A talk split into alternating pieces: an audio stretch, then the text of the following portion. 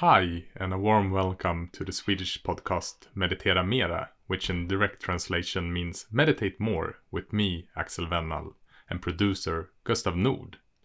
This is a podcast made by the Swedish meditation app Mindfully. So, this is a kind of a special episode.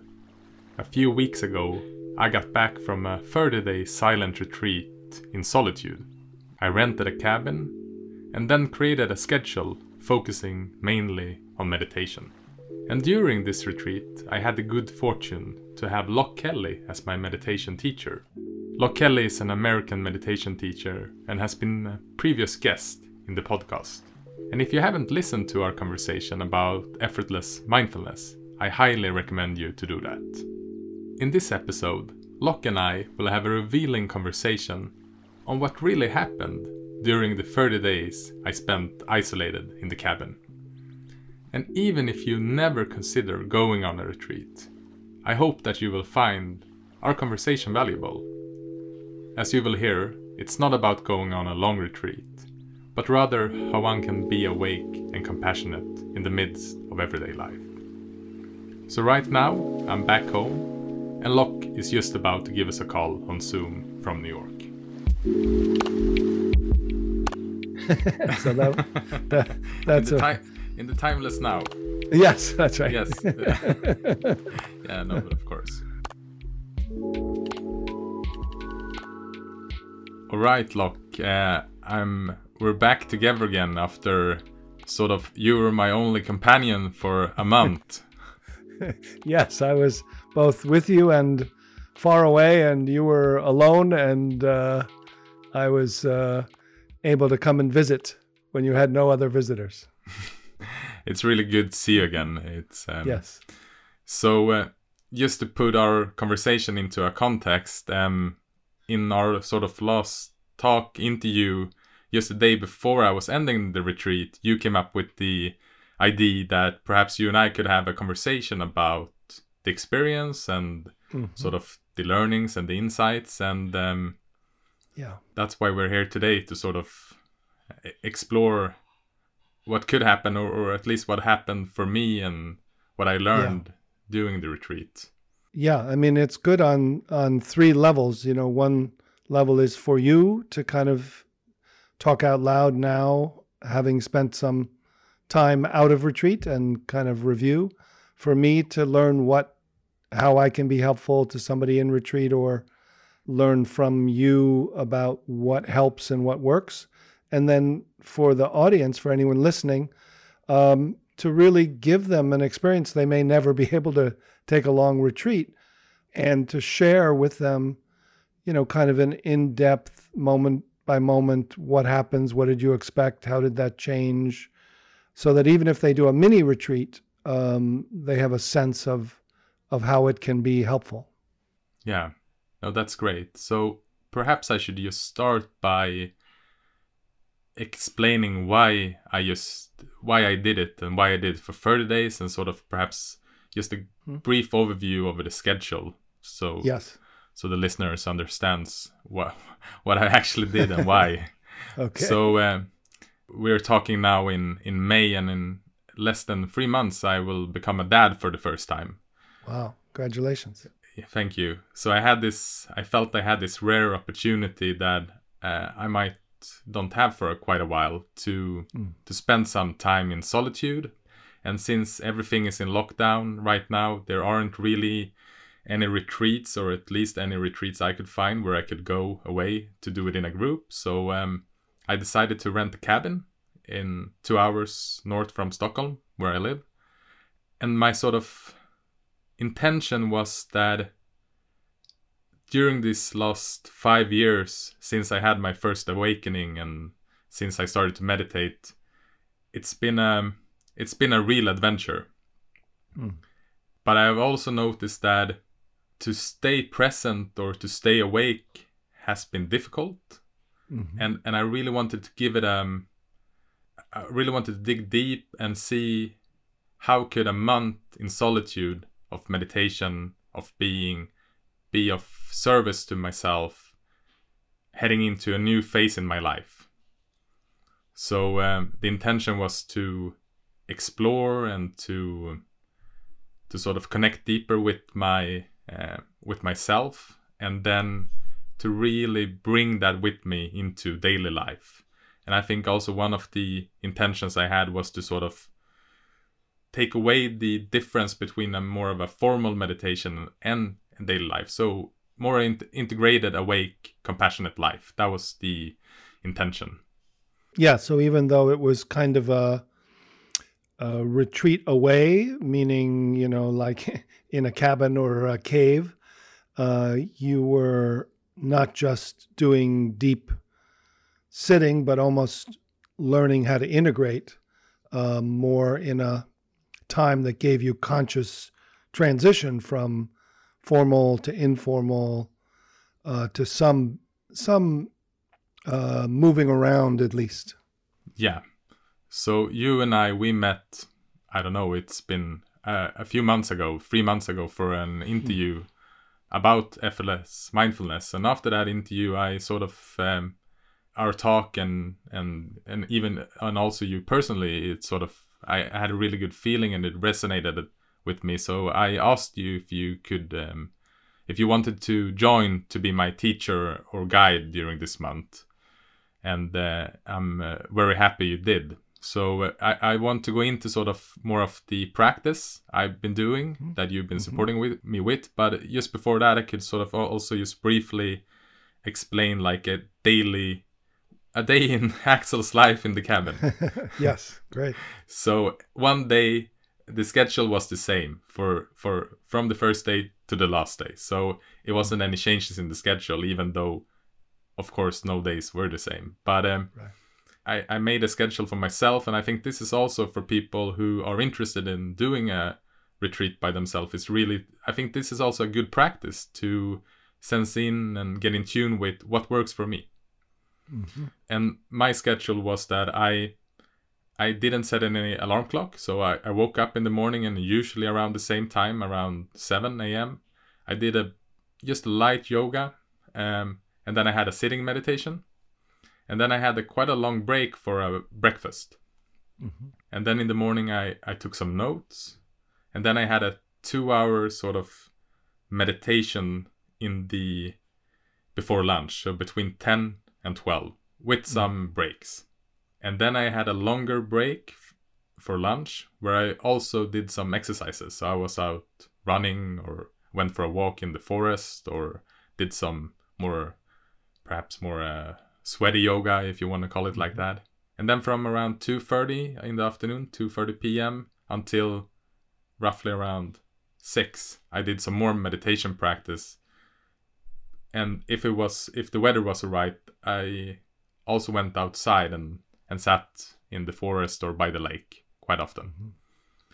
and then in the evenings i cooked some dinner i um I had a dinner and then I listened to I know it's one of your friends uh, Adyashanti one of mm-hmm. his satsangs mm-hmm. yeah and then after that I uh, ended the day by sitting once again in meditation. And then I went to bed and I brought with me a few books. And that was sort of about meditation and awakening. Mm-hmm. Um, and went to bed. And that was 30 days in a row, more or less. Yeah. That's good. That's the uh, the skeleton, but uh, let's hear about the meat. oh yeah. So um, perhaps to conclude this for, for 30 days is I, I remember one thing you s- told me um, when we had our last talk and when we last met. You you said something that really resonated with me and was a good conclusion of the whole experience. You said it was a beautiful disaster. Mm-hmm. yeah it was a perfect mess. Yeah. And great success i think. And a great success yeah. so um, I would say that now, in hindsight, it's easy to see that I had a had quite some strong ex- expectations mm-hmm. on on being on a retreat. Yeah. On spending a month in in silence with myself, and I f- my expectations was that this is going to be peaceful. This is going to be really, really nice, and I'm gonna I'm gonna get some pretty amazing transcendence experience. yes, Yeah. that's right. I remember early on that was the Yeah, that was the and then you did have some days of those but Yeah. but those as you know almost definitions that many people who are listening may have of what trend you know what awakened life is like or the journey of unfolding just so you can you can fill them in on one of the phases yeah. So um, I think the whole experience, in one sense, it showed me exactly that that this whole journey is not about the transcendent experience. It's about being awake, fully human, mm-hmm. being compassionate, being loving to all parts of yourself. Because I Mhm. think that's really was one of the more of a if we if we could call it a work, it, it was the work of getting to know different parts of myself. Yeah. And perhaps parts that I was uh, unaware of, but also parts that I was pushing away. Yeah. And I think here's one of the what I found really beneficial with your kind of practice was that it wasn't only about recognizing thoughts as thoughts or feelings as feelings but to to be with them from your awake awareness your open-hearted awareness Mm-hmm. so if i would translate that to my own language it would be to be with all your parts from love Mm-hmm. and this was um and this was a process that it's quite easy to say now after spending 30 days but uh, it was an unfolding process to to sort of um be able to do that.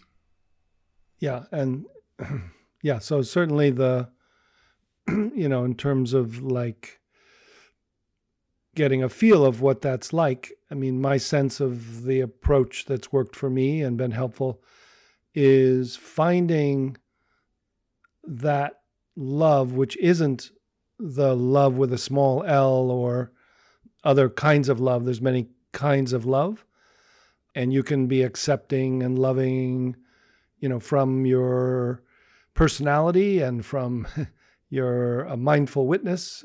But the main thing is first finding that which is already aware and loving. And then, as that, recognizing that, realizing that, then you have the capacity to love the parts that are messy and strong and angry and fearful and terror terrorized and traumatized. Um, so it's upgrading. And that's the spiritual part is really the or the meditative part is waking up from the small self which is trying to love all our parts but not stopping halfway in kind of selflessness or mindful witness or what i call the you know the witness protection program, but really stepping out of all conditioning and discovering that there is a consciousness that's already here for all of us, that's greater than who we are and essentially who we are, that has the capacity uh, to love and be with and is inherent within all these feelings, emotions, and patterns of emotions and thoughts and feelings, which are we're calling parts or subpersonalities or um, aspects of ourself. yeah uh, and that's a really good also sort of summarize of of the Mhm. practice i've been doing Mm-hmm. basically with the kind of meditation practice and during my my formal sittings it's it's been this process with your guidance to um, unhook from thoughts and then open up to this more of a spacious awareness Mhm. but also not just opening up to the spacious awareness everywhere but also to connect it through the heart in that kind Mhm. of sense perhaps it could be useful for the listeners if Loch, would you would you mind just sort of like just give us a glimpse so it could be more of a um, hmm uh, get the feeling tone to it if you're listening to this conversation. Sure. Yeah. so, yeah, we can do one that's simple right now, and then I can do another one a little more in depth later. But the premise is that we're not just a personality or a small self or a body mind, that there's another subtler dimension of consciousness.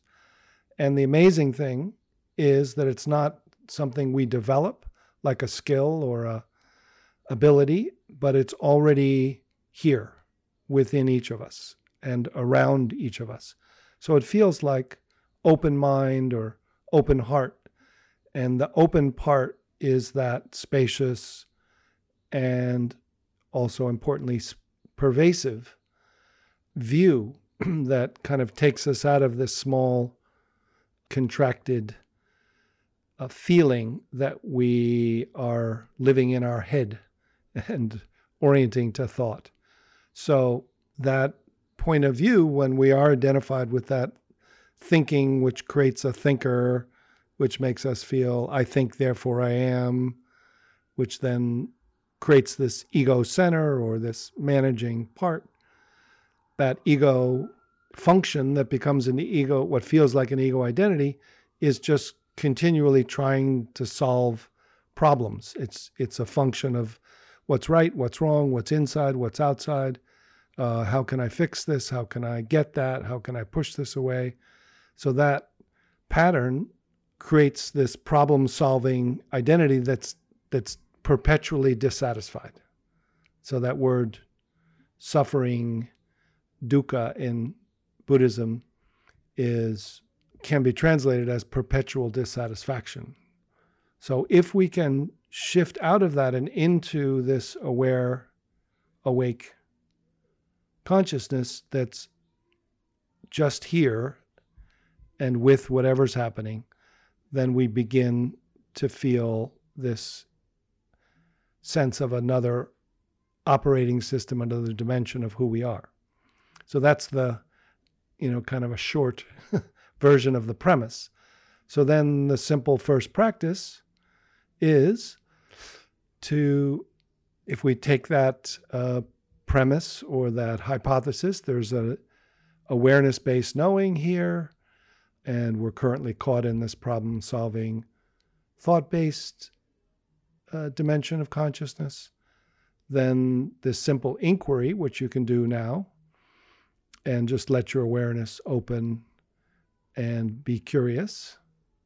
So the inquiry practice is what's here now when there's no problem to solve?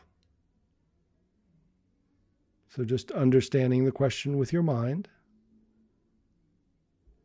letting the problem solver relax, and then curiously letting awareness feel what's here just now when there's no problem to solve.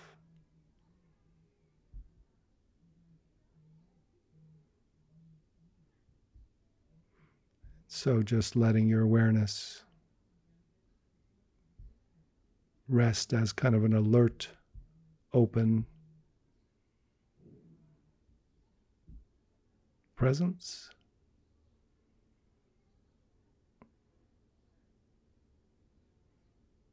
So just curious what's it like to rest as that which is here now?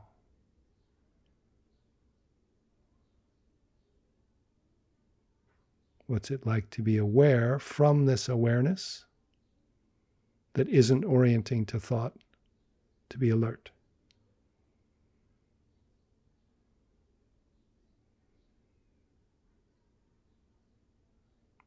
So just feel that space, that freedom, that relief. And then, curiously, as this which is here and aware. What's the relationship when you're aware from this awareness to sensation, your body, and the world? So, what's it like to remain primarily aware from spacious, pervasive awareness, but now feel the arising of vibration, sensation, thought, your body, and everything around you without recreating a small, separate thinker.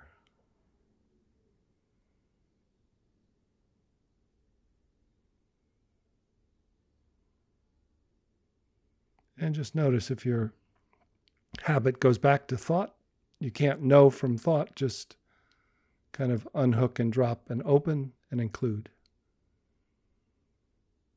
And just now, from this more open hearted, open minded awareness, just allow that thinker or the one who's trying to understand to be part of you. So don't stop it, don't fight it, but don't identify with it. Just if there's a thought, am I doing this right? Just be aware of that from this new you and this new view. So this becomes the the beginning of establishing the new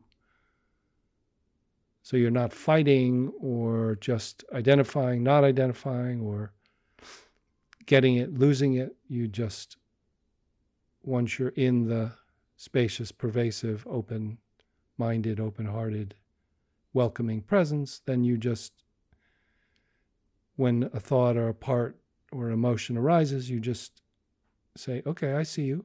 I'm aware of you from this bigger view rather than from another smaller part that's a judge or a critic or commentator or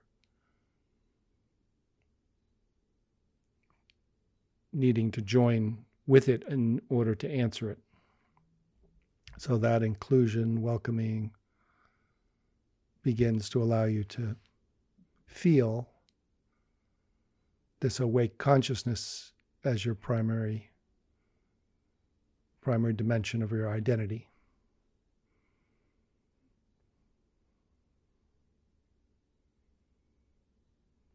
And at first, you know, it's just this more observing and including and welcoming. And then you can start to walk and talk. And then you're going to lose it. No big surprise. You just learn to re recognize. And it's a training to develop almost like a developmental stage, you know, of going from, you know, from one adolescence to adulthood or from prior to kindergarten to kindergarten, you know, so you start to develop this new capacity.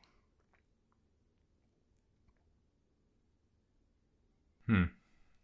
Yeah, that's that's great, and uh, now you, as a listener, now you know what I did for thirty days yeah. And what I think also sort of to come back to that, what for me was very humbling to to become aware of different parts. so perhaps I could just say a little bit about parts instead of mm-hmm. just sort of like dissolving the experience into thoughts or mental patterns or emotions. Yep. During the retreat, and in your work and also in in some kind of more of a therapeutic work I've been doing before, you you look at different sub personalities and parts of you, mm-hmm. and um, what I came to discover was that uh, one part of me that I've been identified with was this um, spiritual ego, and it became quite clear for me after a while that okay, wait a minute I am I am searching, I am seeking, or mm. I have this strong energy in me who wants to understand, Hmm. who wants to get it, who wants to uh, become become something or somebody, uh, who wants to Awaken or something. exactly exactly someone who who wants to awaken and was overlooking the now the sort of like what was going on right now Mhm. and um, it was much stronger than I than I thought it was. I of course knew that there was some some pattern in me that wa- wa- wanted to explore and and wanted to to really realize more about myself and about meditation and and what what this practice is all about. But um, that was quite humbling because that kind of energy also the the kind of thought that came from that energy was always like, yeah, you haven't got it yet. hmm There's something you you're not seeing. You you're not, or, or, or perhaps even as an kind of an inner critic, you you're not good enough. You don't you don't understand this. So um, that was a, a kind of a part that I was uh, in one way struggling with for a while during the retreat Yeah. and um, and perhaps one of the struggles was that it was hard to accept that this part was um, was very active and very very much uh, very much in in live in in in in this during this retreat um so um what I, what I sensed in in this was I felt that I got a really good glimpse practice, a tool or whatever you want to call it. So instead of just being aware of it, Mhm. was to actually be aware of it from this open-hearted awareness. Mhm. So uh, the really the difference of just saying, ah, that's the inner critic, to have more of like, ah, that's the inner critic. Yeah. It, it makes because there is a there can be at least for myself can be a subtle a subtle kind of pushing away in just Yes. the Mhm. acknowledgement. yeah uh, kind of a almost as if it's you you need to get rid of it or it's you know these are oh these are you know disturbing emotions these are rather than just emotions or these are negative states Yes. versus positive states meanwhile they're just states occurring to that which is so so positive that it can love the negative Mm. Yeah, and it, and it became quite quite fu- funny after a while. So I I took some notes during every day, and and when I looked back in my notebook during every day, it said like it's always now. Don't don't search. it's always now. Don't search. Yeah, but it it, was also like uh, this kind of energy, this kind of pattern. It and now in hindsight, it feels like it needed to burn out. I, I don't. yeah. It, it it needed to be burned out, and it um, and it was there, and it, and um, and and I I see now the the the problem wasn't that it was there. The problem was that I was resisting it. Yeah. That it was there.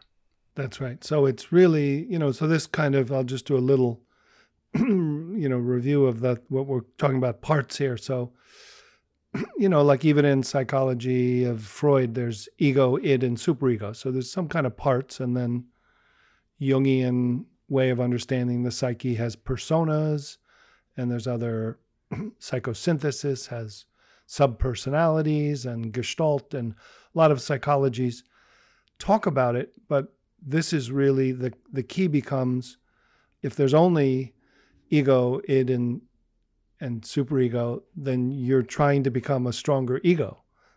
so what what this is adding from more of the uh, meditative consciousness or spirituality is no no this there's there's a great something greater than you that's essentially you that can be with any parts that have been repressed or that are trying to help out by being critical or judgmental, and that there's no bad parts, that all parts are actually trying to be protective and helpful in the way they know them. A lot of them have been internalized by culture and caregivers um, and kind of created as not just thoughts, not just emotions, but kind of thought, emotion, and worldview combine at a certain age or a certain time into, oh, this is the way it is. Oh, I should do this.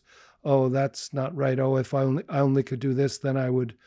And those patterns that they kind of rotate and sit in the seat of the self or the manager or the ego chair and then they've got you then they're looking out of your eyes and you're thinking from their worldview so you feel like oh i can't believe i just did that. You shouldn't have done that. Well who are you? I'm one part talking to another part. Oh okay. Well wait a minute. Which one am i? So you're so this is this is kind of our consciousness, but we have some kind of cultural definition. No, I'm one person. I'm one person trying to be a better person, dealing with my negative emotions from this personhood. And what this is doing is upgrading to an awake consciousness that is with all of these parts so that they can be, that was beautifully said. Um, Axel, when you said, Oh, I'm aware of these parts. Oh, I'm aware of this part. Oh, I see the critic. Oh, there it is. Oh, you little cute critic. You, you know, it's like you start to see them as little kids throwing a tantrum or needing to, you know, to offload or to tell the story of how they were hurt. Hmm. And now they can really scream and yell and you know, this is unfair. What's wrong? I can't believe this happened to me. And you're just with them like a, a grandparent, loving grandparent consciousness that can be with them. Okay, sweetheart. Yeah, you know, come on, tell me more. And that's what heals. That's what integrates. That's what makes you fully awake and fully human. Yeah, it's interesting that you brought it up also. Because um, when I try to sort of explain to people how that kind of um, relationship was. I I've also used the the grandmother grandparents mm-hmm. uh, metaphor because it feels like this kind of unconditional caring love for all parts. Everyone is welcome. The the naughty, the the mm-hmm. critic, the the sad part, uh, or the uh, nervous part. They are all mm-hmm. they're all part of the family. So it's um, and I think that's also one one experience I had during during the retreat was that one afternoon I went I went to one of the places I usually spent my afternoons meditating with was sort of like um, still in the forest but overlooking the the sea or the the lake where I was and uh, I was sitting there meditating and I got in touch with something inside me some part that was very deep and it couldn't sort of it didn't really communicate with me. But i felt there was there was some kind of sadness or some kind of um, yeah sad emotional tone to it. And um, what came up to me was that when i was two two or two and a half my parents divorced so i was so young so i don't have any I don't have any sort of memories from it, and I'm I, I live my life hmm. in in two families, and that's been the normal for me. But it was sort of like I got in touch with that very small kid, very young kid, like two year old Axel, who mm. was afraid or had some kind of um, there was something there that yeah the the afraid two year Axel, which was um, which which was a beautiful experience actually. Yeah. And I remember you. I think you Loch told me something that I also remember that uh, when I got in touch with that, I think you said something. Well, yeah, because that's a part of you who who who wasn't able to communicate mm. because he was too young. So that was also a kind of a um, a healing process I, I wasn't really expected expecting. Mm-hmm to be honest, because I I even didn't know that it was that was there. Yes. Yeah, and yeah. and and you know the experience both my own experience and with many other people um, is that that pre-verbal, sometimes pre-verbal consciousness, sometimes just repressed consciousness is just draining our energy and subtly influencing our view and our personality in a way that's subconscious or unconscious, so that having the capacity to be with it is the healing it needs, is just to be listened to, to be seen, to be unconditionally loved uh, and included. That was really the sort of theme for the whole whole 30 day retreat that sort of no parts left out and and it mm-hmm. became very clear to me this was i think was actually one of the in the end of the retreat like evening 27 or something yeah. and um, i had one evening where I, I was sitting after dinner there was this strong experience where the inner critic was was really really tough like it, it the voice mm. of the inner critic was really harsh and i felt a lot of like tremendous suffering actually like mm. almost almost some uh, horror mm. but uh but after 27 days and been meditating a lot so i i realized okay well this is i can't avoid this. I need to stay present and awake with this. So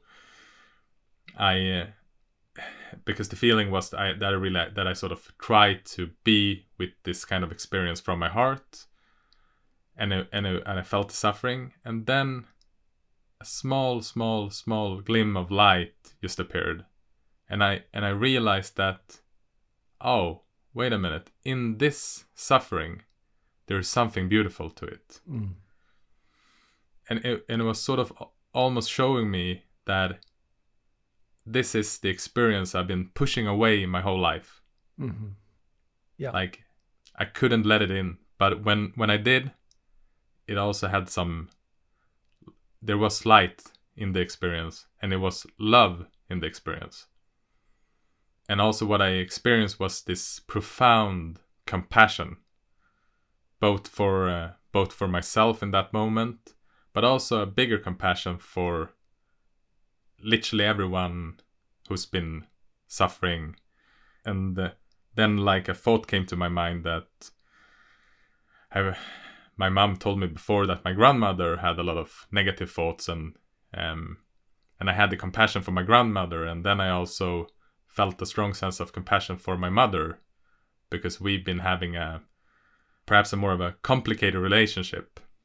The reaction I got was just I went up and I had my computer there, which I wasn't using, but I had a sort of retreat email. So I sent her an email and said like um, because this was only like three days before the retreat was ending. So I sent her an mm. email and said like, "Do you want to meet up? Like I, I just want to give you a hug."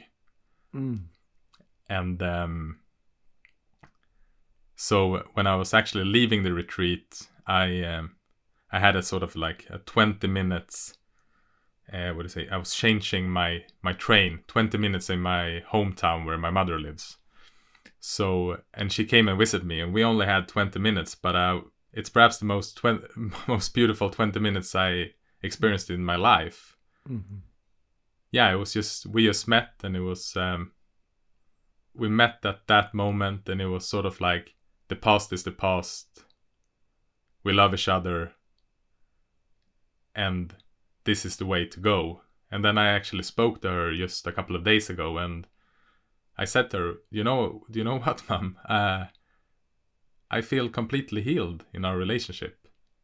And she said the same back. So uh, mm. that was yeah that was amazing. Yeah. Yeah i mean that's that's just profound.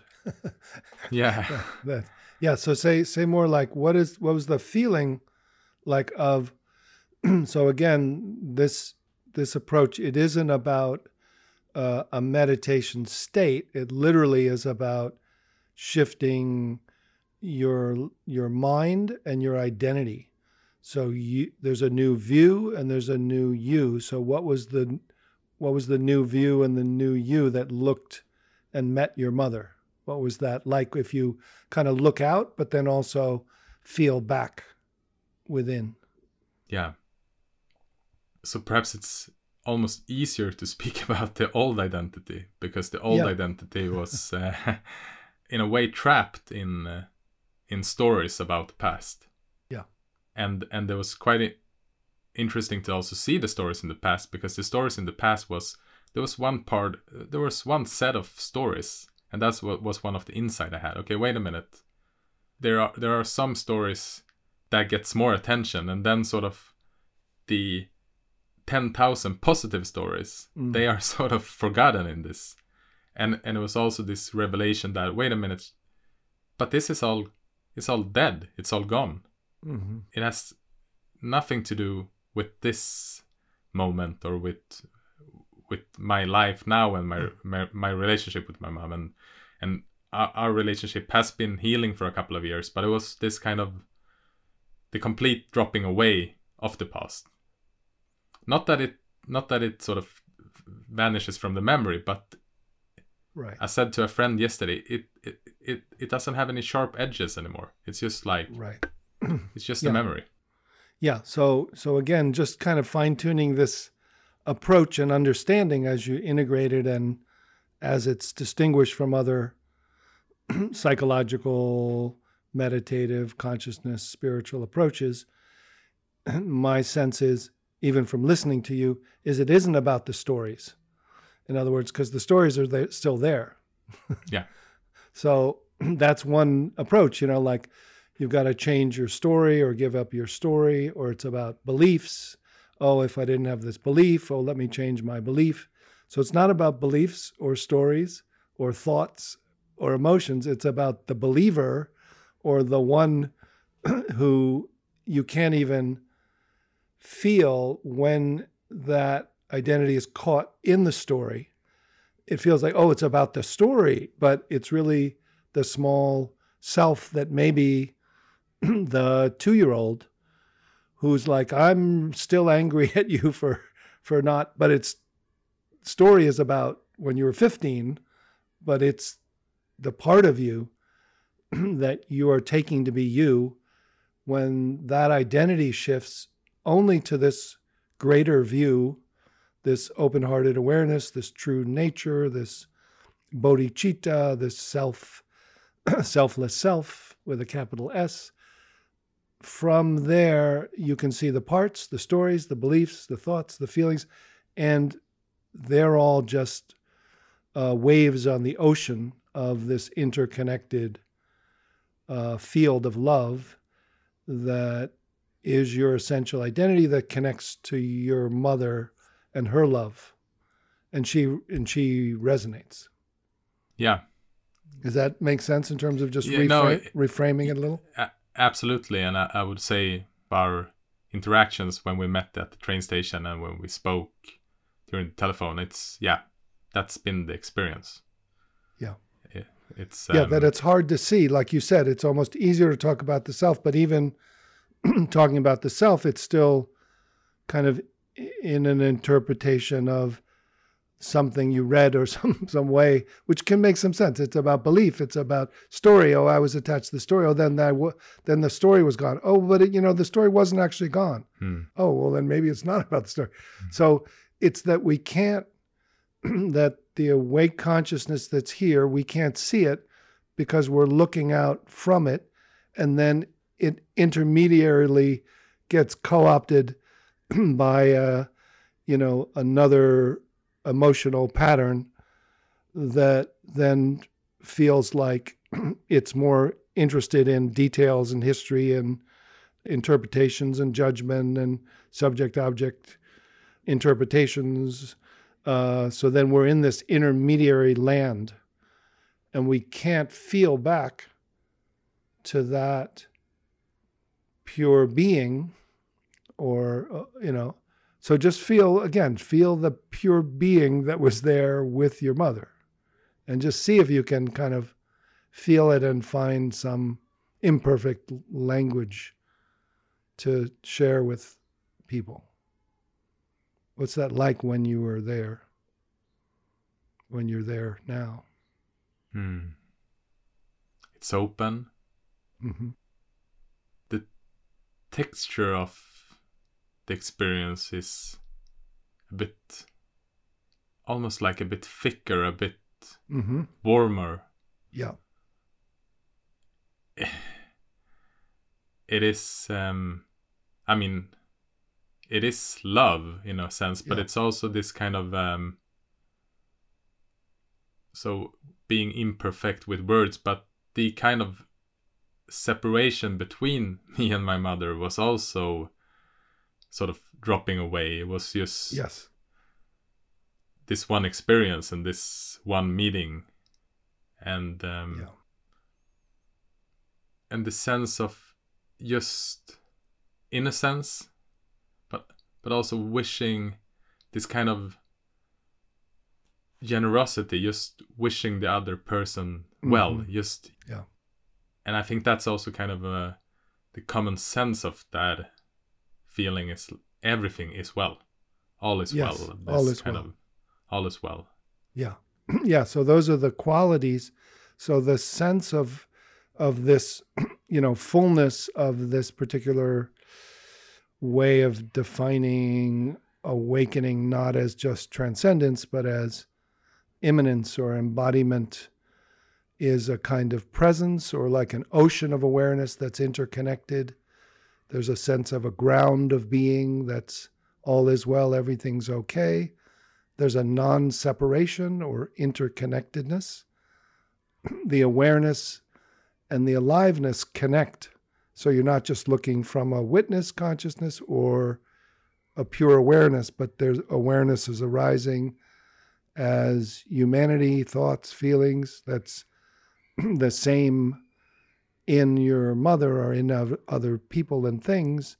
Hmm. So the perception is from that field uh, or this field, and that's the nature of mind. That's what emptiness actually means is everything's empty of being a separate thing. So a tree is there's no such thing as just a tree without water, earth, sun, and air. Everything's interconnected. And so you and your mother experience that interconnected, empty, loving, true nature. That's, you know, nature of mind, nature of reality. That's how it feels. Everything's okay. There's an unconditional love. It feels like a flowing okayness, well being. And then there's the particular human beings that arise and are very particular and unique interacting on a train platform. yeah but but it's also this um being that is also it's interesting to see that the kind of attributes that is so often spoken about in terms of meditation as acceptance Mm-hmm. Yeah. forgiveness letting go all those are inherent in that That's it. Yeah. in that state of being it's it's not that you're trying to be acceptance it's That's right. just it's just a full loving acceptance of all that's going on that's Yes. Passing and arising and Yeah. um, Uh, that's that. again, th- that's like the key to this approach is that the relative practices or deliberate mindfulness, you try to develop acceptance or loving kindness. You know, you do a, you know, may all beings be well and happy. You wish well and you create attitudes and they're positive and they give you states, relative states that are like little, a drop of, of loving kindness. But instead, if you just step out of all conditioning into that which is already awake and loving, and then shift into that as your primary dimension, um, there's what's reported not only as the freedom from that small self, but the flourishing of positive qualities happens by itself. So there's a natural view. When you're in that consciousness, you are loving kindness. That's how you perceive. yeah and perhaps if someone is listening to this this might sound not like um you're going to a it is in one sense a new you but it's also my experience of it is that this is something that we all have experienced from Yeah. time to time i just spoke to a good friend of mine who 10 days ago became a father for the first time and it Mm. was very obvious that he he was Yeah. in this state of being right now Yes. so um Yeah, and it's ord it's ordinary. It's we've all glimpsed it, but we thought it had to do so. So your friend glimpsed it through the doorway of of the birth of the child. The key is okay. That extraordinary external event opened up to this consciousness, which could be experienced in the midst of, you know, the subway in New York City with crowds and noise and and you know that it's inherent within him. It's not dependent on events or people or places or things. So that this is what the glimpse practices of effortless mindfulness is the you know to point out in a moment that you can shift into this and even perceive no matter where you are from this and then you know train to uh, return and uh, begin almost like a developmental stage just to get your whole system aligned in this way. So this is you know the other thing if people are listening is like oh those people they're exceptions they're this is you know that i could never do that. Well that's a part of you and that part that's saying i could never do it that part actually is correct. that that part can't do it, but you are already it, yes. And it's about like a background foreground shift or a dropping or an opening or a you know realization or some external event may open you to it but either way you can intentionally access this or learn how to do that. And everyone's a little different in how they do it but it's it's available wouldn't you say? For sure. And i would also say that i, I don't want to sort of guess into the future but it's this experience right now at least that when you glimpsed it and when you realized it it's sort of it, you can't really overlook it. It's because it's here all the time. It's um it's here right now and um yeah i would also say that it's in in a, in a way that it's perhaps per- let's see how this kind of resonates with you Loch but uh, w- one sense in me and because i had this striving during, during this retreat perhaps one of the hard hardest thing with this is that it's so simple. Yes that's right. Yes so simple that you can't believe it. So somebody who tries to get it you know is is frustrated or they wish they had gotten it or they've been into meditation retreats or they're you know and the thing is it's there's you know i'll just say these four little traditional sayings from this mahamudra tradition which is actually pre-tibetan.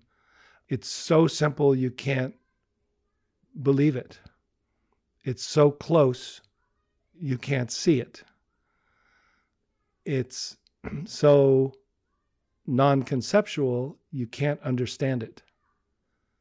And it's so good, you can't accept it. So good. And yet it's so close, so simple, but it takes just that little adjustment. Like we don't know how to adjust because we're looking from our thought, from our effort, from our will trying to get it from the trier, and the trier or the spiritual ego can't awaken from itself.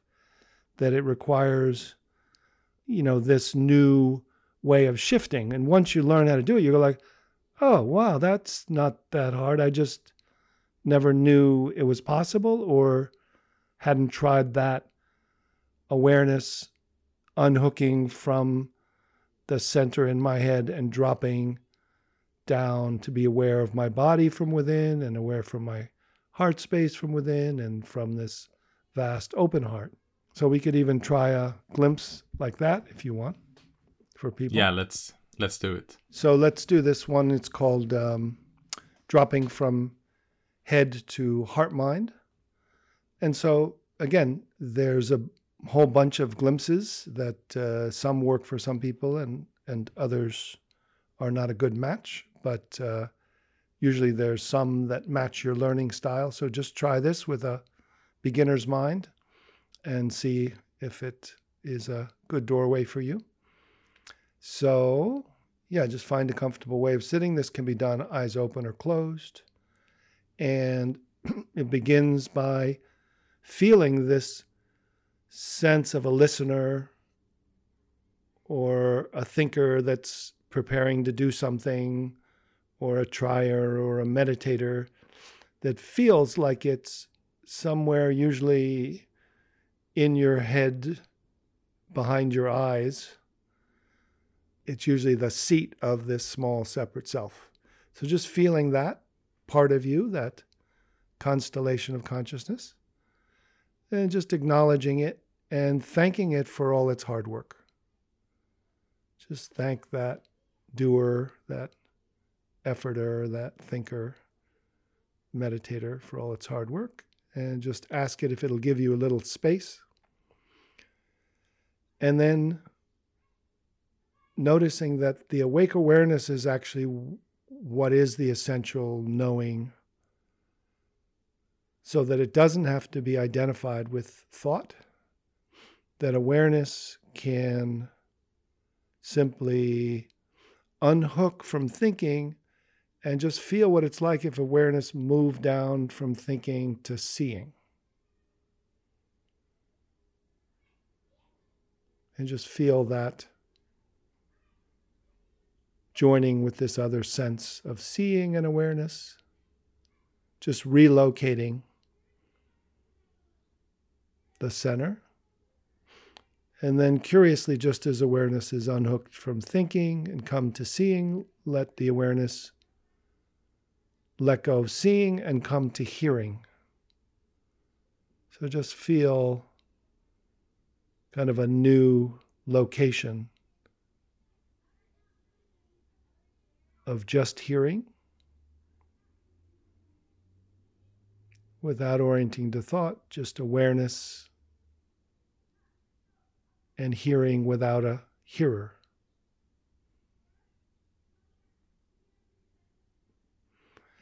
And then curiously, awareness can unhook from hearing and move down into your body to feel your smile and your jaw directly from within.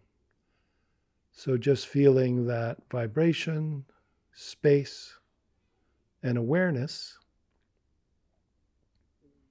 directly from within your jaw and then feel as if this kind of bubble of awareness, this globe of awareness, this new center has decentered from your head and is able to feel your throat and your neck directly from within. So it feels like the knowing and what's being known is in the same location. Direct perception and if the awareness pops back up to thought, just unhook and return. And there's no need to orient to thought to know directly the feeling of effervescent aliveness, space, and awareness. And then feel as if you can decenter from your throat and as if awareness can drop below your neck and feel your upper body directly from within. So as you breathe, you can feel your breath, your body rising directly from within your upper body.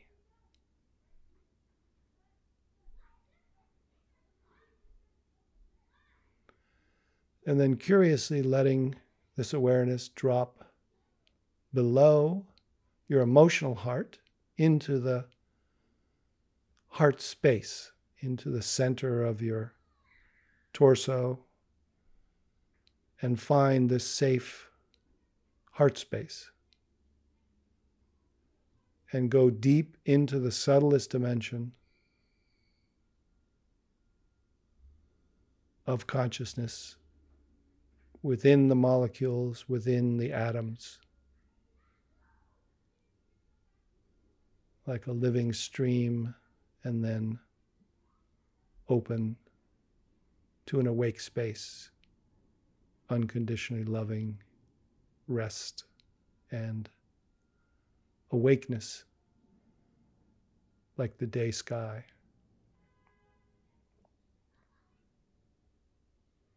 So now just notice that you're aware of your heart space and aware from your heart space.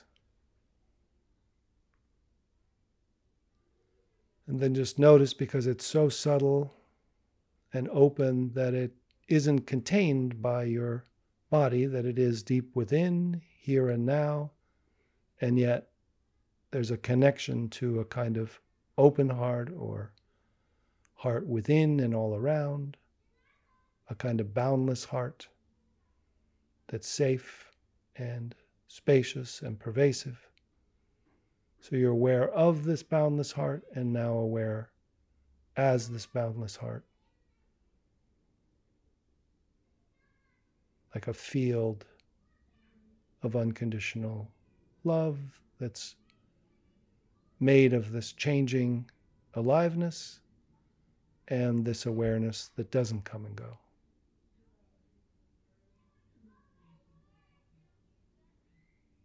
And then, as this boundless heart, just being aware from this boundless heart back to your particular sensations and energy arising from this ocean of awareness that's aware of your body, any emotions, thoughts, parts of you, and just welcoming, feeling this open hearted awareness that's spacious and pervasive within everything that's arising and open to welcoming thoughts, feelings, emotions, parts of you that can arise without needing to contract or control or escape. Just feel the support and the capacity to be with whatever arises.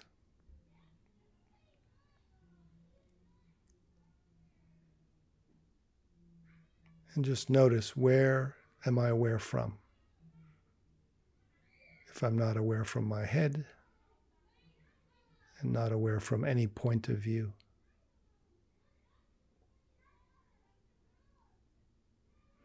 Just notice what is this feeling of being like? That includes everything.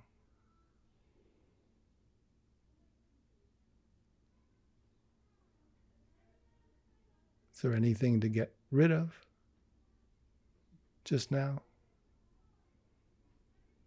Is there anything missing that I need to seek or get? And is there a sense, what's the feeling of the ground quality of your being.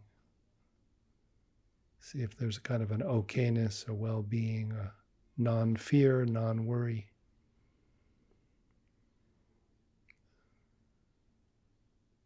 And then just notice is this curiously, without needing to answer it from your head, is this a meditation state occurring to me? Or could this be essentially who I am to which other states are welcome to come and go, including those states that thought they were me, that are welcome as parts of me now.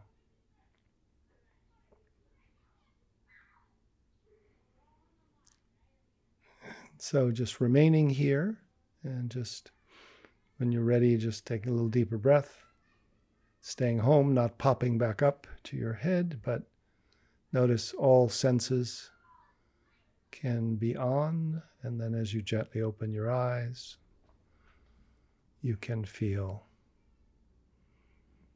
that you're still able to remain dropped and open and inclusive.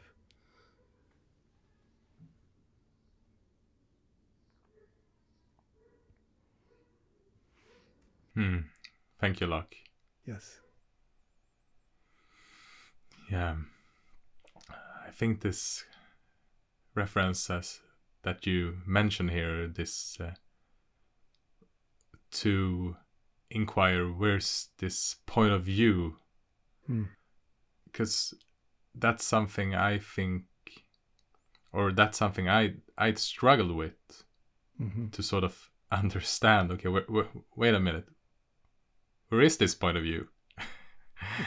because it's so familiar to also experience from from our heads hmm and i think like um for for everyone listening is this kind of like when we mentioned the the doorways to to other kind of experience either if you're out in nature or if you're becoming a, a parent for the first time it's sort of like during those experiences when you're in when you're being sort of helped to come into this kind of state of being then the the point of view sort of drops away. That's one of Yeah. the one of the characters of that kind of state. Yeah. so it's um just a small kind of uh, reminding. Yeah that's one of the that's one of the big uh first moves because it's you know s- stepping out of thinking and then in deliberate mindfulness basic mindfulness of thoughts feelings sensations you establish kind of witness point of view so you're able to get out of your head but then there's kind of a meditator that's observing your thoughts. And if you look, you'll usually find where it is. Everyone will have a, oh yeah, where are you aware of your, oh you're, oh I'm not the thinker in my head. I'm aware that it's thoughts arising and passing. Yes, isn't that amazing? That is amazing. Now, where are you aware from? Oh, I'm aware from here. I'm aware from this meditator, this mindful witness, right? It's is it moving around? Yeah, and then you can go into like a choiceless awareness or big sky mind. And all of a sudden, there's a bigger view from uh, pure awareness or big sky, but it's still detached. So there's still a separation from thoughts, feelings, sensations coming, going within the sky.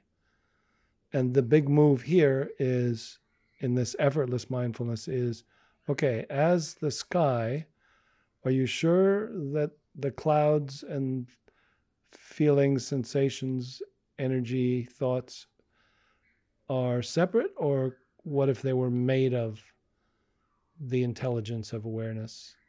What does that feel like? And then that is the embodied, interconnected experience of emptiness or interconnectedness. Hmm.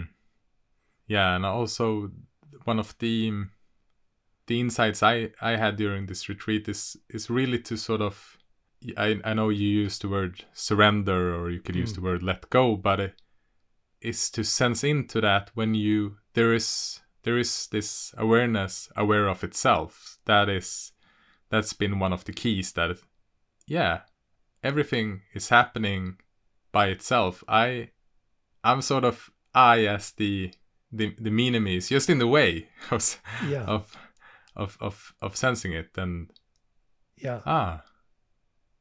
Right. Everything is happening in in me Yes. in one sense That's right. and at the same time there's no me in the middle That's right. Yeah, it's Yeah. happening within me or within my mind, and my mind is everywhere.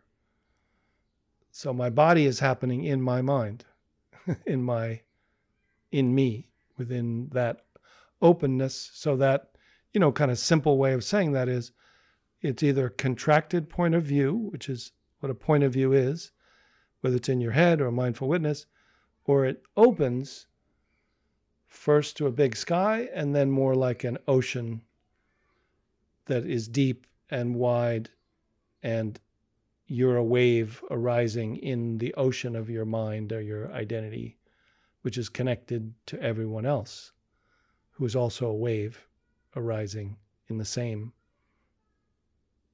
presence. Yeah. And another thing that sort of it came to my mind now when we were talking because it is really, really, really, really nice to be this awake, loving awareness.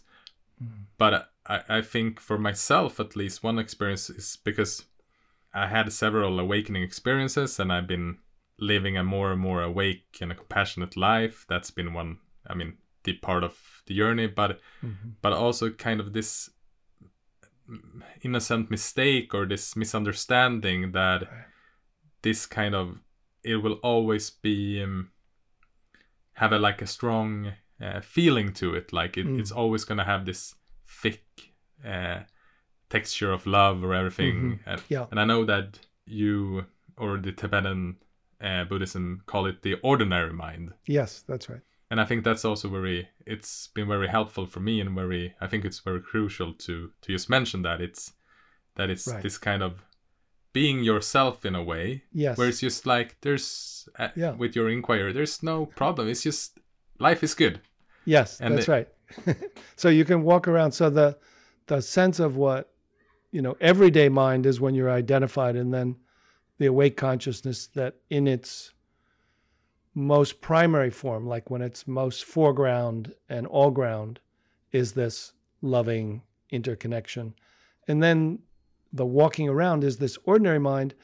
And the sense is it's just, it's absent of worry, fear, identification, but it's you. It's just like, oh, this is just me. I'm just bumbling along, you know, saying silly things. I have a certain sense of humor and I like this kind of food and I don't like that kind of food. And I'm just kind of like, okay, well, hey, how you doing? You know, blah, blah, blah. You know, so it's just a human, a human experience that, you know, uh, I know this stuff. I don't know that stuff. You know, like I can do this, but I can't do that very well. And yet I'm not, it's like non fear, non worry, non shame. Hmm. So that's the thing is that identity that's caught by that unconscious shame or worry or fear of who I am on the level of identity. You could still have fear of, you know, walking into a dangerous situation. That's normal fear. This is, but you're not afraid of who you are and you're not trying to be courageous or or strong or confident, you know. Like this it's not about that. It's about the absence and then a subtle presence of just like, okay, I'm just me, no big deal. I'm not you know, not a not a big special. And that's kind of interesting because that embodied quality is the natural humility of awakeness. That when people stop at that initial awakening into a kind of uh, transcendent first stage of awakeness, that's where many uh, teachers and things get caught in those hmm. um, acting out. They're like adolescent parts come up and they'll act out on sex and money and drugs and power, uh, which has happened a lot. And my sense of having worked with those people and having uh, had feelings like that at a certain stage, that the, it's waking in to the ordinary embodied humility that is like, well, what's the big deal? And then any drives or ego impulses to want something just become parts that need to be healed. And usually they're like adolescent things like, I didn't get to do this. Let me, you know, I should, maybe I should, now that there's no problem and, uh, you know, the belief system like, oh, now I'm awake and everything's a game. You know, it's like, no, it's not a game. There's other human beings that, you know, need respect and integrity and need to be treated with even more kindness and clarity and compassion because everyone's a sensitive creature. So you start to see that embo- more embodied, like almost like sacredness of like, oh my God, there's another human being. What a precious creature. Hmm. Yeah. I just want to sort of like follow up there on on your on your um comments there about this kind yeah. of humility and everything because that mm. was also one thing I discovered that uh, as I mentioned in the beginning of our talk, that the discovery of the spiritual ego and the spiritual mm-hmm. ego thought it was really special Yes. Yeah. like to to sort of get the insights and be able to spend 30 days by yourself in a cabin oh i don't think i have any friends who could actually pull that off or you know and then you just realize that ah hmm i'm i'm unique but i'm i'm not special. Hmm Yeah. in in one sense we're all we're all equal and we are um, this uh, kind of Mm. i think the word i'm looking for is also related to what you said. It's it becomes all interactions become so much more precious and hmm meaningful and beautiful and um, yeah the kind of separation that thoughts or the ego creates hmm um, loses its power in one sense it's Yes. Yeah. and and my sense and i i do feel that it's probably in you as well it's it's really fun to meet people Yes. it's just like it's It's like a yeah. It's like a somebody just had a golden retriever, you know, kind of coming up to them. That's like a puppy, and I'm like, oh yeah, that's like me. You know, that's like you know, I'm like, I'm like, you wake up and you're just like, oh wow, you know, uh, what are we gonna do today? And you know, oh, we're gonna do like a lot of detailed, mundane, you know, like stuff today. Okay, all right, well let's have something to eat first, and you know, like go for a walk, and then we'll do that. You know. i haven't i haven't reached the golden retriever mode yet but it's it's it's it's, it's wonderful to hear yeah, yeah. I, I think one thing that also I, I wanted to touch down that um so in in my experience there there was this striving and and um, and one of the inquiries that helped me was what's here if there's nothing Yeah. to find Yeah. because it, it sort of pulled me back or it made me realize all right there is nothing to find Yeah. this moment this is it Yeah. and sense the profundity of being here right now. But then also when you and I spoke, you had the other angle on that or the opposite on that, which was let's see if I remember this correctly now. I think you said something, what's here if there's nothing to push away? Yeah. Nothing to get rid of or nothing to push away. Yeah. Exactly. Because I think that's also one of the really strong learnings from from this retreat and and today it's been two weeks since I got back and it's been two pretty good weeks I have to say That's good. and um, I, I just noticed that I am naturally more accepting I I don't I don't get as wind up uh, or irritated uh, as I used to or Yeah. yeah easy life and then Yeah. today I had the experience of having this nervous me coming back a little bit hmm self talk about how was I doing in a situation or hmm and, and kind of this. But the experience I had was really that this was okay. It was Yeah. fine. Yeah. It was sort of um ah th- th- as we mentioned like um there's nothing wrong. There's just Yeah. this uh, there's just this uh, part of me who hmm who feels a bit nervous Yeah. and being able to to not push away anything or get rid of anything i think that's that's really the key and something that i'm so curious to just keep on exploring Yes, that's right. Yeah, that's beautiful. That uh yeah, just let the human feelings arise uh, that that awakening's not getting rid of emotions, but in some ways being more sensitive to life, being more vulnerable, having kind of a sweet tenderness or sadness sometimes that oh wow that's amazing. Look what's happening. And then to have these parts that you know arise because they're earlier or older parts or they're just waiting their turn or they have something to say like you know well i get curious like okay there's a nervous part arising. Okay oh what are you what are you nervous about? What's was there something to be nervous about? It's like oh you're going into a new situation okay well that makes sense yeah you can make you can be a little yeah like okay you're nervous i'm with you you know like sometimes they'll tell you something you know yeah like like they'll they'll sometimes be an intuitive part like oh you know what this person is a little kind of an angry person i'm about to walk in this So I'm a little nervous. I didn't think about it. I thought, oh well, this should be no problem. And I was like, oh, they're going to be a little okay. They may just you know do that thing that they do.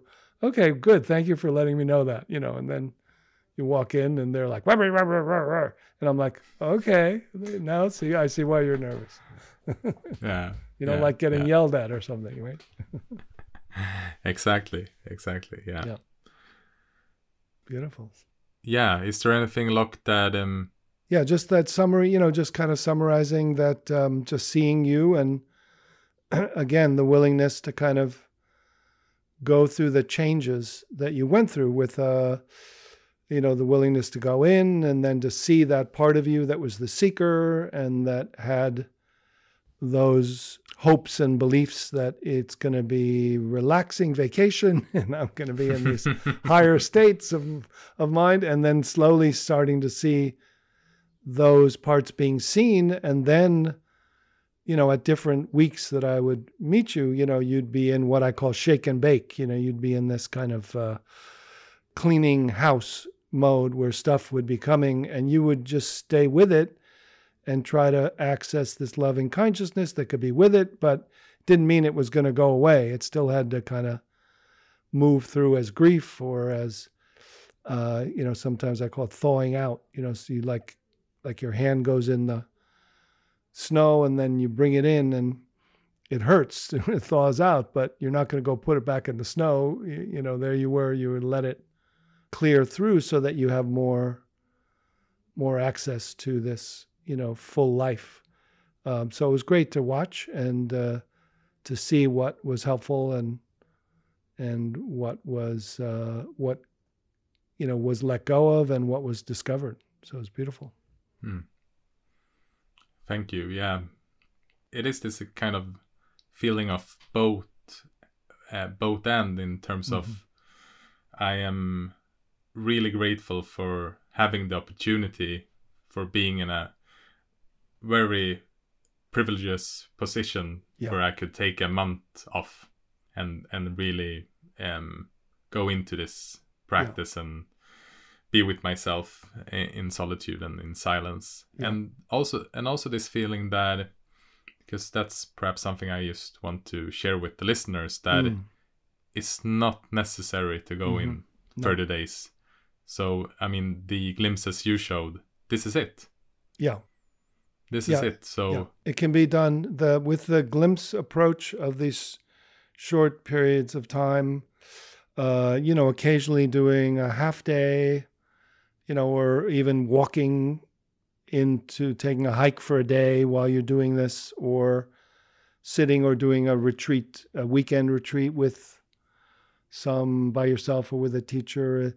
But that's about as much as is needed. If you're drawn to longer that's that's fine but you know it's it's about consistency ultimately anyhow and you don't want to push the river and force things to come up either. So uh, you were ready for it but not everyone's ready. So slowly slowly week by week day by day can be more of the titration of what things can be handled. And the main thing is to access and to get familiarized with this open hearted awareness or this selfless self or this true nature or being that is not one of the parts of you and is not a meditation state, is actually where you can be aware from. And getting that is, you know, the majority of, of the whole thing. Yeah. Then it will take yeah. it will unfold in its time. Yeah, definitely. And I mean this is this is really a, a superpower, especially mm-hmm. when when your inner life becomes beca- becomes tougher and mm-hmm. if you mm-hmm. feel if you feel mental or emotional yeah. pain or yeah. and if you feel if you're suffering and if you as we uh, I'm not going to say that everyone but I mean I think most people who listen to this resonates that that our our thoughts can can can give us kind of, kind of a hard time and and um, and instead of pushing them away to to find this capacity to Mhm. to be with all experience from this loving awareness it's um it's really a, a superpower to be more fully human it's Yes. Yeah. Yeah. It's it's funny. Somebody just said to, to me who I had done some sessions with, he said, you know, the amazing thing is that I thought it would help me like get calmer, but I didn't I didn't expect the superpowers. You know? and, and this was after a couple months.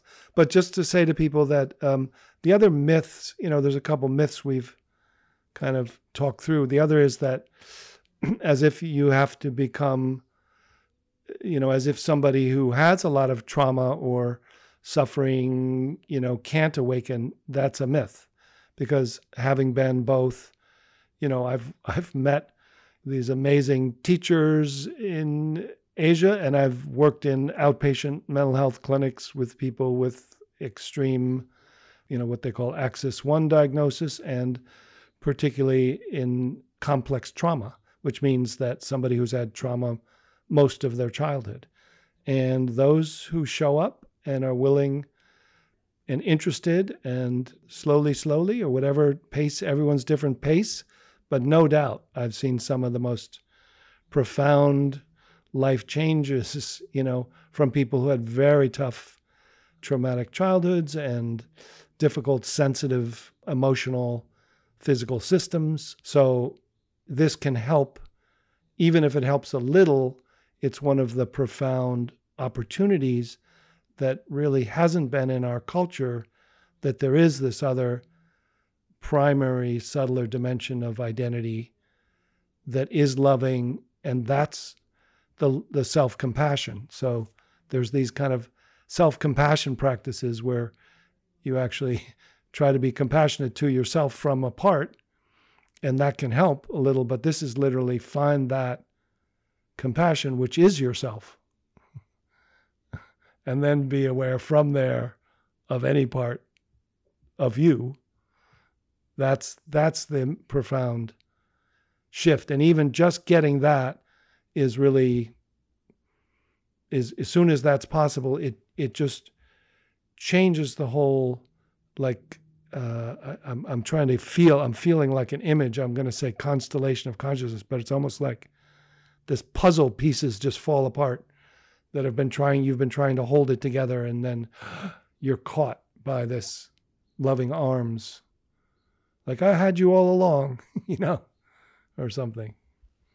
yeah that's a, a good thing you brought up because i would say perhaps in one way which is kind of strange one, one of the hardest part to accept and and also perhaps it's because it's it can sound a bit i don't know a bit new agey and everything Mm. it's to to accept that okay well doing these glimpses having this experience okay what what did i actually realize Mm-hmm.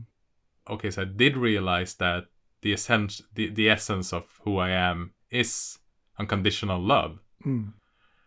and that's like whoa it's almost um it's big it's it's Yeah. it's big when you sort of frame it like that but then in the experience it's i think also the mind translate it and, and make it a bit bit grander what Yeah. and in and the whole experience because it's also gratitude Yeah, that's right. generosity hmm just kindness Yeah, just uh, having fun in life so yeah. it has different flavors to it Yeah. And that even saying that, like even to hear hear that, like realizing that, you know, you are, we are unconditional love, as if the realization is a philosophical insight or even like insight meditation. Oh, you have an insight. Oh, I am love. But it's it's more like tuning to a radio station. Like you're you're in this radio station that has all this static. And then you'd like tune out to to the uh, you know silent station.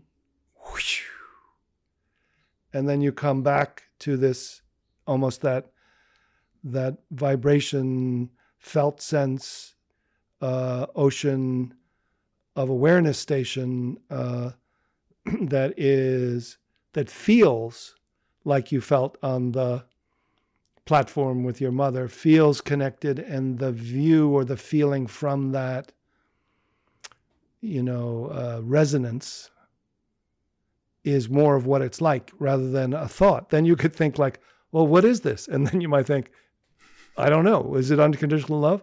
I don't know. Maybe not. I don't know. What what does that mean? I don't even know. You know but, but Yeah. you know so it's it's very uh it's very experiential is the Yes. ma- is the main thing. Yeah it's 100% experiential. And Yeah. and we all experience it. So Yes. it's um it's learning to tune it tune the instrument and that's exactly what i what I, I was doing with yeah. during the retreats i think that's a really good uh, way to end our conversation. Yes. Yeah beautiful. So um, yeah i hope uh, i hope we were able to unpack some of the experiences Mm. and the kind of um, insights and um, and also this practice is as i said before it it has nothing to do with going on away on a retreat for 30 days Mhm. it's um it's just as valuable to do it right here right now. Yeah beautiful. So just to say that it was an honor to uh to be invited into your this time of your life and i really am uh have great gratitude for that. Um it just happened to f- be like a yes and i'm glad i i said yes and i'm very grateful to uh to be to see the transformation uh, in you i'm also very glad you said yes i'm very grateful so Mm. Yeah. and also thank you for uh, this conversation it's Yes. it's a pleasure always yes, I think people will will enjoy it, and uh, and uh, yeah, I wish everyone well. And just to say that, uh, yeah, that awakening that we seek is within us, and it's learnable and teachable, and and may all beings find relief of suffering and awakening. thank you Loch Yes, thank you, Axel. Be well. Thank you for listening to this episode of the Swedish podcast Meditera Mera. We hope you have been inspired by our conversation and by Loch's meditations. And if there's something that I learned from spending 30 days in solitude with all my different subpersonalities, is it that unconditional love is the healing medicine and the foundation of who we truly are. Take care and be well.